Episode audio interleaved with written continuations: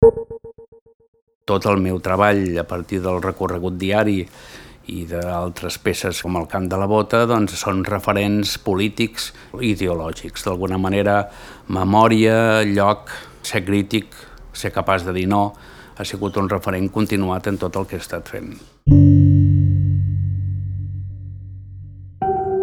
Fons. Obres de la col·lecció MACBA explicades pels artistes. Francesc Abad. Jo als anys 70 eh, estava pintant, estava dibuixant i pintant. No? De tota manera, jo he sigut una persona que sempre he treballat a la fàbrica i sortint de la fàbrica he anat a estudiar arts i oficis al vespre. Això és una habitual de l'època de la gent que vam néixer al 44. Als 25 anys jo pels vespres treballava en un Ateneu i aquest Ateneu em va donar una beca per poder anar als Estats Units. Llavors jo l'any 72 vaig marxar a viure a Nova York amb la meva dona i un fill d'un any.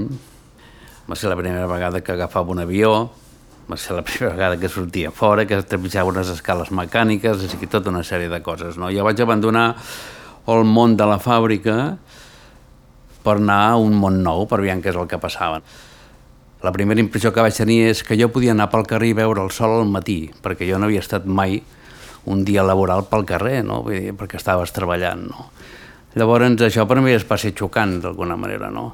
Vaig començar a veure un final del minimalisme i un principi del conceptualisme i d'alguna manera jo vaig trencar i em vaig dedicar a fer això que diuen l'etapa conceptual. En aquell moment això jo feia un tipus de pintura abstracta, semblant, per dir alguna cosa, a Barnett Newman, un minimalisme quasi que em quedava sense res a la tela, i llavors a partir d'aquí jo vaig abandonar els pinzells i va començar una època que era utilitzar la màquina fotogràfica, aquelles màquines d'usar i tirar, perquè no hi havia calés per res més, d'utilitzar el vídeo, el portabac, que és un vídeo tremendo que portàvem que pesava 6 o 7 quilos a sobre, i aquest tipus de cosa va ser un canvi total, com del passat de l'analògic al digital.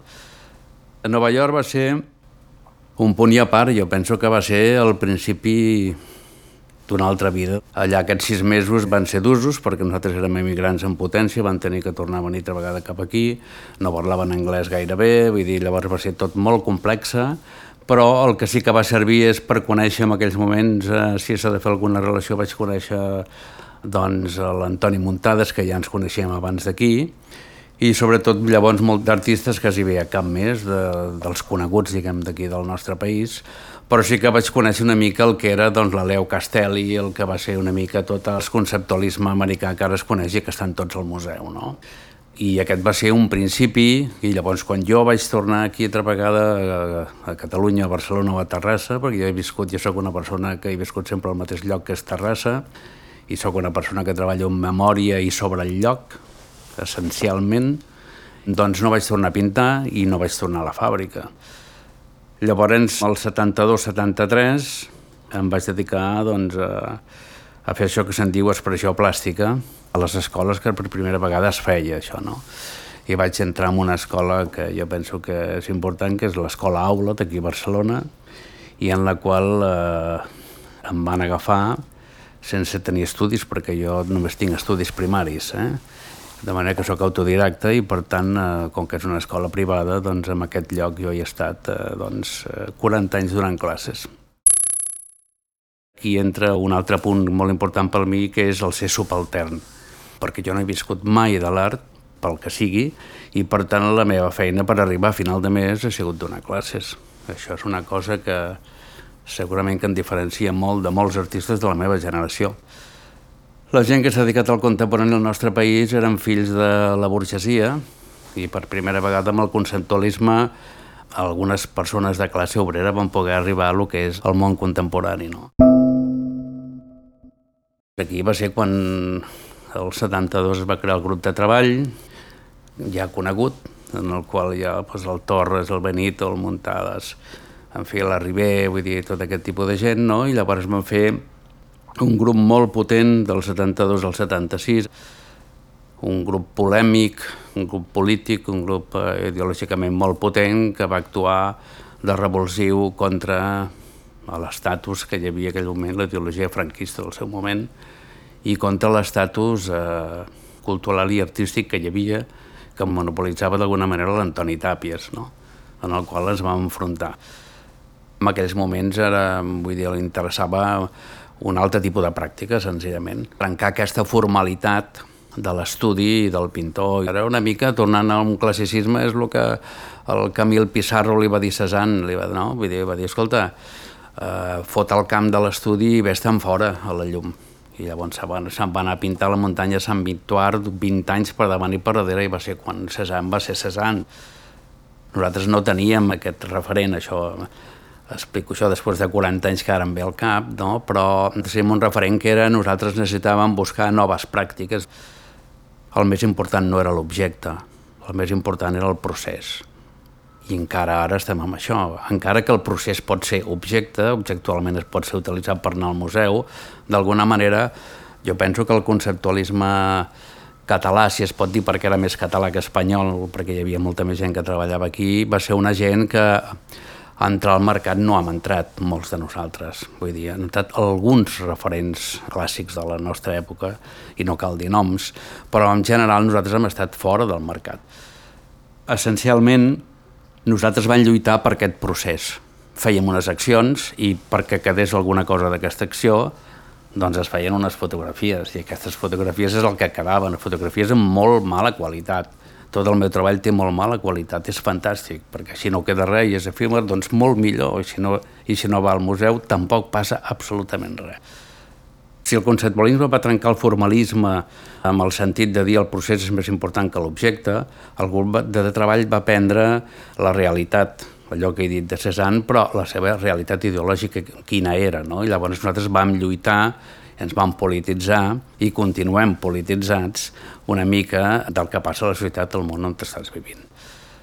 Els anys 70 eren anys molt convulsos amb el sentit de canvis profuns, no? És a dir, nosaltres vam viure amb una onada i un referent d'una sèrie de gent que volia canviar el món i això ens acompanyava, a diferència del que hi ha ara. No? Vull dir, llavors hi havia unes sinergies en el qual doncs, el món s'havia de canviar no a nivell cultural ni, ni artístic, sinó a nivell global i social, i nosaltres potser érem més radicals, no sé si radicals eren més marxistes en aquell moment, o sigui, més al costat d'un partit que era el SUC, encara que molts de nosaltres no militàvem al SUC, però que vam acabar sent companys de viatge del SUC durant molt més anys, almenys per la meva part, no? i llavors, és clar estaven més idealitzats que altres grups que es van decantar cap a una part més anarquista o una part més liberal, o com li vulguis dir. No? Aquest grup de treball va finalitzar el 76, si no recordo malament, perquè ho cito de memòria i ara també així al cap que la Bienal de Venècia del 76, em sembla que va ser, el grup de treball s'hi va presentar, es va presentar com a últim treball, es va presentar sense noms, es va presentar amb una peça ideològica marxista i una mica com la mort del Puig Antic en aquells moments, és una peça que no es podia presentar perquè haguéssim tingut molts problemes i aquest grup aquí ja es va sentir una mica perquè cada un les individualitats tiraven cap a la seva banda el grup de treball doncs, es va desfer perquè no tenia altra continuïtat, no, no hi havia una clàusula de, de formació i de, i de tancar, vull dir, els grups surten i desapareixen d'alguna manera, no? El grup de treball sí que tenia una llibertat extraordinària amb l'aspecte de que part d'un treball de grup específic hi havia un treball individual que cadascú el portava a terme, no? i que moltes vegades no coincidia, quasi bé moltes alguns de nosaltres, entre la pràctica més social i la pràctica com feia, però això són dicotomies que hi ha en les pràctiques eh, habituals amb tota aquesta gent d'aquesta època. No?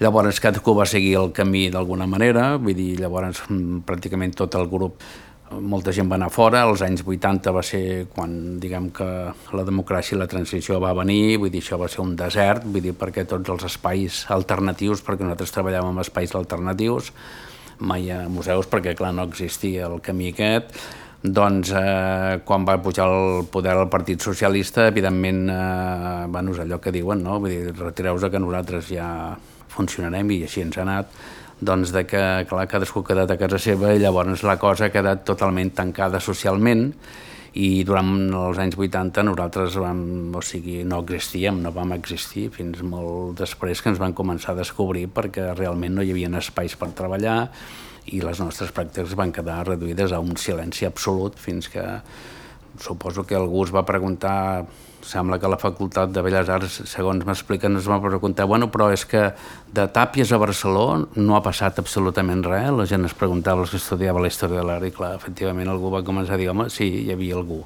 I bueno, va ser quan van començar a tibanza. De fet, això era així, però de fet en aquests moments nosaltres tampoc estem tan reivindicats. Vull dir, les coses com siguin, eh? És una pràctica que ha quedat reduïda a un cert silenci fins i tot en aquests moments actuals. Tornant als 70s i tornant algunes peces com aquestes de comptar i numerar les pigues d'una part del braç, que és una peça del 73. Això es va fer en, en un lloc que es deia l'Institut Industrial i ara és el lloc del foment. Es va fer una exposició al costat de la Bienal de Terrassa de pintura per primera vegada una cosa paral·lela, que era la cosa més conceptual. Es va fer una primera acció en el qual aquí ens vam trobar doncs, eh, bastanta gent, eh, vull dir, del, del grup de treball inicial, el Jaume i la Maria Costa, de Terrassa, jo mateix, llavors hi havia el, el Muntades, el Benito, etc etc. Jo vaig fer una peça que era... Jo sóc com, eh, molt anglosaxó, de pell molt blanca, eh, panotxa, essencialment, i, tinc moltes pigues al cos. M'agrada molt prendre el sol, ara ja no puc. I llavors aquí a l'antebrazo tenia moltes pigues. Llavors el que vaig fer un dia és despullar-me una mica de cosa en amunt i llavors vaig dir, bueno, vull fer una acció que la gent em conti, en numeri, totes les piques que jo tinc en un braç. No? Llavors va, fer una acció amb un rotulador negre de fer una cosa molt primària, si tu vols, però va ser una cosa d'utilització del cos, eh, del cos d'un, en el cas meu, doncs, per comptar tot aquest tipus de coses. No? Aquesta és una peça que està documentada i va ser una peça del principi, diguem, d'aquest grup de treball. Una de les peces essencials que jo vaig fer al 72 era com em guanyava la vida, no? I em guanyava la vida, vaig fer tota una sèrie d'imatges, que és el recorregut diari, que és una peça que està aquí al MACBA, en la qual es veu un recorregut dels trens dels catalans, com jo surto d'una casa, pujo un autobús, passo per totes les estacions i recullo el so fins que arribo a dalt, pujo a la muntanya i arribo a dalt a l'escola i, en definitiva, set dies a la setmana i quins diners cobrava jo per això. Quan el grup de treball va anar plegant, diguem-ne, també vaig fer un treball que era l'homenatge a l'home del carrer, que és una tercera peça molt efímera, que es tractava de fer una història amb 22 o 23 imatges del que va ser una mica del que era la repressió franquista, d'alguna manera, no? a l'estat espanyol. I això es va fer d'una manera molt efímera, amb una impressió amb amoníac, aquella que es feien els arquitectes abans, que desapareix la imatge, un rotulador sobre paper. Jo penso que això va ser, ha sigut i jo crec un referent i un testimoni diguem, de lo que va ser la repressió franquista des d'un punt de vista artístic, per primera vegada que es presentava. Vull dir, el Jordi Balló deia que al presentar aquesta peça en una exposició que va recórrer l'estat espanyol, o sigui, es veien els punts més àlcids, no? La matança de Totxa, vull dir, a la internacional feixista que va venir aquí per matar doncs, a Pamplona tota una sèrie de gent, els advocats que van matar, els obrers que mataven, una mica era un referent amb 22 o 23 imatges, no recordo quantes hi havia en aquells moments, sobre tot això. Aquesta peça d'homenatge a l'home del carrer també tenia una veu gravada que va ser una companya del SUC que va estar tancada a la presó de Lleceries a Madrid, que explicita el que eren les presons. Va ser una peça social i política que es coneix després de tancar amb el grup de treball, però és que hi ha altres peces que no s'han ensenyat mai. Jo havia fet molts treballs sobre la ciutat, dos aspectes, dos realitats, hi ha peces com fins i tot escriure jo a la paret en temps de votació i anar a fer un grafiti i posar no voteu amb el temps de Franco. Per tant, hi havia tot un treball que no s'ha exposat mai ni s'ha vist mai i l'homenatge al carrer és l'únic que ha quedat més radical amb l'aspecte polític, no?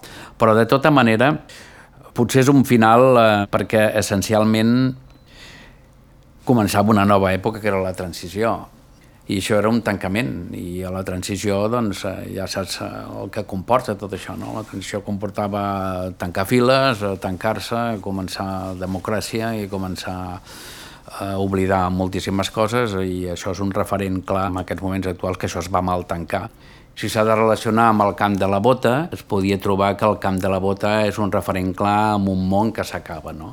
És a dir, des de que el Fòrum de les Cultures del 2004 es ve en Barcelona al turisme, doncs és quan surt el camp de la bota. Vull dir, en un altre aspecte és igual. Aquí l'homenatge a l'home del carrer és un canvi polític i aquí és un canvi social. Jo penso que potser sí que són dos peces importants de final, de trajecte social, diguem d'alguna manera. Un d'una manera, polític-ideològic, franquista, contra el franquisme, i un altre el canvi de la societat que ha d'estar socialment per una sèrie de coses i està per vendre's el turisme. Suposo que ara en vindria un altre, ara vindria la revolta del 15M d'alguna manera.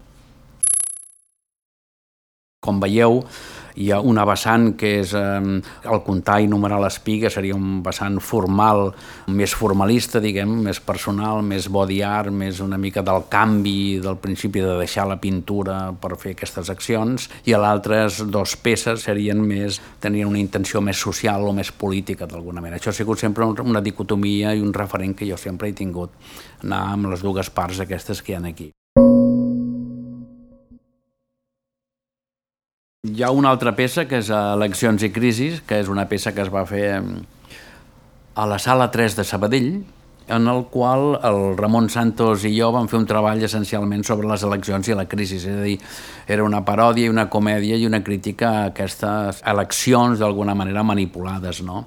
Aquesta és una peça del 78, per tant l'homenatge a la Malcarrera al 77 és una peça mm, contínua allò i un final també de trajecte, una peça que mm, en Rabascall en tenia una altra de semblant i que segurament l'Eulàlia també una altra de semblant i el Muntades en té alguna més perquè essencialment era la nostra manera de viure. No? Aquesta és una peça que jo no l'havia vist més perquè va quedar en poder del Ramon Santos que en aquell moment era el director, em sembla, de Sala 3 si no recordo malament i que es va fer entre Terrassa i Sabadell, tots dos van fer una sèrie d'imatges del que era doncs, un final i un començament i una manipulació ja amb algunes d'aquestes eleccions que van fer. És una crítica una social una mica a la ideologia i al moment. Els 80 van ser un desert, vull dir, va ser un desert cultural diguem-ne, per nosaltres, la gent eh, que teníem un aspecte més crític, més ideològic, va ser un desert en aquest aspecte, perquè encara que la societat dels 80 que va ser el moment de la pintura-pintura dels García Sevillas i de guanyar molts diners tota aquesta gent, nosaltres això vam quedar totalment marginats, vull dir, nosaltres vam deixar d'existir molts anys. De fet, aquí en aquest país nostre, vull dir, eh, la gent era fora, el Montades era fora, el Torres era fora, l'Eulàlia era fora, vull dir, aquí, aquí quedava el Benito i el Francesc Abad, no va quedar ningú més perquè si parlem de el Miralda era fora, vull dir, el Rabascall és fora, el Benet Rossell és fora, vull dir, aquí el que va quedar va ser el que va quedar, eren dos i, i el porter de l'edifici, diguem-ne, no hi havia ningú més aquí, eh? Aquest boom eh, pictòric que aixafava i eclatava tot això, és, quasi, és com el boom de la construcció, diguem d'ara, no? Seria el, el mateix, no? És una bombolla que va explosionar, que de fet aquesta bombolla pictòrica ha explosionat però, mm, bueno, que és com, i la memòria immobiliària ha explosionat ara, vull dir, va ser aquest boom. Llavors, per tant, nosaltres no és que passi res, que ens van veure que el teu espai s'havia acabat. Llavors, vull dir, si s'havia acabat, doncs podies treballar molt poc. Jo, de fet, no vaig tornar a començar a treballar fins al 80 i pico amb alguna exposició, que llavors va ser una exposició ja més referenciada a la literatura a partir de Benjamin. Als 80, en el meu cas, jo em vaig dedicar més a tancar-me i llegir. Jo vaig començar a llegir l'escola de Frankfurt, a Benjamin, a, a tota una sèrie de coses que em donguessin un corpus conceptual que jo estava fent. No? De fet, els anys 80 van servir perquè jo agafés empenta a tot el treball posterior, no? vull dir, perquè la pràctica artística dels anys 70 va ser combativa, no? va ser una pràctica del dia a dia, va ser una pràctica de gestió, i els 80 va ser una pràctica de, de concepte, de conceptualment eh, doncs, armar-me i d'estudiar mínimament. No? Jo no he passat per mai cap, per cap escola ni per cap universitat, la meva escola ha sigut la fàbrica i després ensenyar això i per tant va ser quan jo em vaig començar a agafar uns fonaments de dir, bueno, a mi m'interessa l'escola de Frankfurt, a mi m'interessa Adorno, a mi m'interessa Horkheimer, a mi m'interessa Benjamin essencialment, perquè són una gent que mm, eren crítics, però eren, eh, diguem d'alguna manera, feien una reflexió sobre la raó instrumental, és a dir, el saber dir no a moltes coses. Jo vaig entendre que havia de recuperar d'on venia, no? I la fàbrica i el fordisme va ser important. I llavors el que vaig aconseguir és eh, a fer un treball, una peça que era, que era l'esperit de l'utopia, una mica pensant en Ernst Bloch, de l'enciclopèdia una mica utòpica més important que hi ha hagut.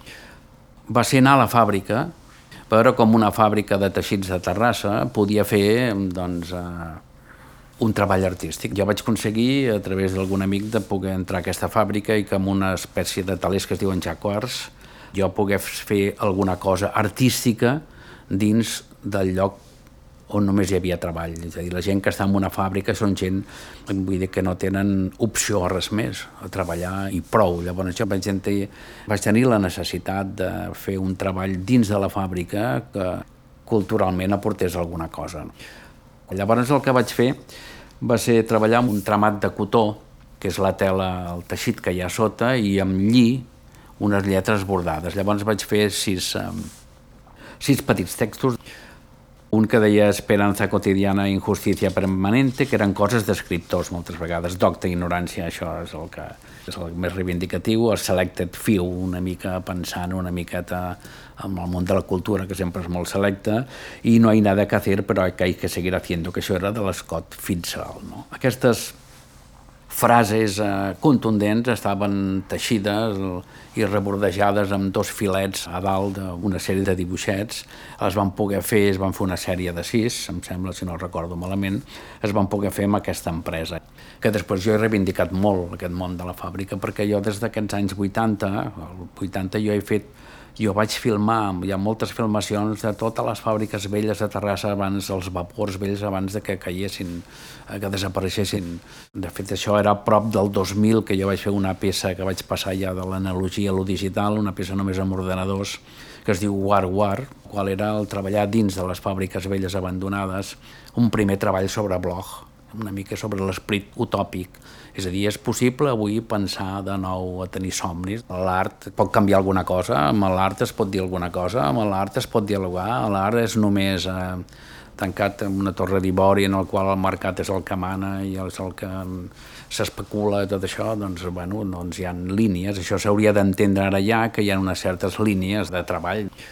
És a dir, tornant una mica al context que vivim, es pot negar una votació mm, per anar a votar per si vols ser independent? Home, no.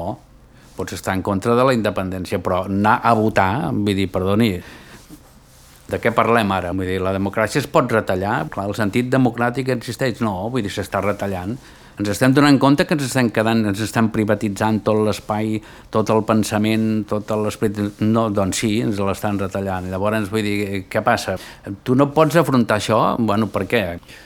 Perquè hi ha una llei bíblica que diu que no és ni social, ni política, ni artística, ni cultural. És a dir, el que m'importa més encara és la cultura i l'educació. Sense això no hi ha absolutament res. Necessitem espais, com diu la Nausbaum, doncs, eh, sense esperit de que hi hagin calés entremig, diguem eh? sense afany de lucre, diguem-ne, no? Doncs bé, jo treballo amb espais sense afany de lucre. Jo penso que jo faig una pràctica utòpica. Potser definint-ho, sí que la faig. El camp de la bota, com a última esglaó, diguem, d'aquesta escala, és una peça que va començar el 2004, perquè amb el famós Fòrum de les Cultures doncs, es va negar una mica la plaça més gran que hi hauria a l'arribar mar al final de la Diagonal, amb un edifici extraordinari de l'Herzog i de Meuron i un altre del Mateo a l'altra banda, impressionants, doncs al mig resulta que hi havia una cosa que es deia el Paradón, que des del 1900, eh, de final de la guerra fins al 56, van estar fusellant gent, no? Eh, 1.750 persones. Bé, llavors jo em vaig donar compte que vaig dir, bueno, i això, si canvien la ciutat, si canvien el territori, si canvien això que ara en comptes de ser per utilització dels veïns serà més aviat per la gent que vingui perquè funcioni, ja passa, no? I llavors jo vaig eh, intentar buscar un grup reduït de gent que eren testimonis del que havia passat que era el, el senyor Fortuny de Mollet i que tenien un petit arxiu de, del que era això. Llavors jo vaig dir, bueno, i això per què no, no intentem tibar-ho i tirar-ho endavant, no? Llavors jo vaig començar a fer un treball perquè això ho poguéssim fer-ho aquí a Barcelona. Va ser impossible. I aquest treball no es va poder fer a Barcelona, perquè no van voler. Clar, ningú va voler fer-ho. Llavors, aquest treball es va presentar a Girona i a Lleida. A Girona a Espais, que ara ja està tancat, i a Lleida a la Panera, en el qual la Glòria encara hi és, amb moltes dificultats, però encara hi és. No? Aquesta gent em van oferir els seus espais jo vaig començar una petita peça amb set testimonis que parlaven del que va ser el camp de la bota i de qui eren la seva gent. No? Un cop fet això, vaig pensar, bé, no, però això haurien de fer un procés de treball d'investigació per veure què passa. Llavors vam tenir la sort de que la Diputació de Barcelona va agafar aquest projecte després de moltes discussions, ja ho he sabut després, i aquesta exposició va recórrer durant 3 anys fins al 2007 i es va fer a 10 llocs diferents, però es tractava de que cada lloc on tenés ho demanava la ciutat i llavors es creava un grup d'investigació, un grup d'historiadors que anaven a buscar totes les persones que varen fusellar allà i tots els seus familiars. Per tant, això durant tres anys va ser una labor bastant complexa de fer, es van recollir doncs, eh, no que sé, 1.500 documents, 50 vídeos filmats, en el qual eh, bàsicament el testimoni parlava per primera vegada. Es va fer aquest primer treball quan no existia el Memorial Democràtic, si el es va crear després, eh, la gent no volia parlar gaire, són els nets els que volen parlar sempre, però això és una cosa que ja passa a tota Europa quan es parla de la Shoah i parla dels camps d'extermini eh, nazi i tot això, doncs va passar el mateix aquí. No? Per tant, aquí sí que s'obria per primera vegada una, jo penso que aquesta és la importància d'aquest treball, eh, que un, des d'un punt de vista artístic que hagi fet una cosa que des del punt de vista d'historiador no s'havia fet. No?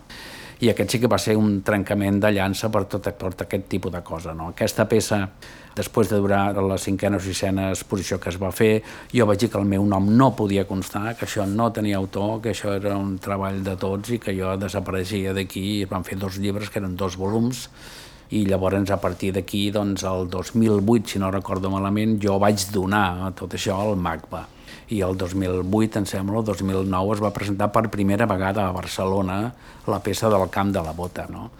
És un referent, jo crec que també de final, també de transició, diguem-ne, no? perquè a partir d'aquí també vull dir, jo penso que hi ha un canvi, un canvi eh, negatiu, diguem-ne, un canvi, eh, un retorn a un cert conservadorisme, no?, un cert neofeixisme diari, no? que és el que està passant ara d'alguna manera amb moltes coses, no? I, que, i que cal una postura, jo penso, potent, no?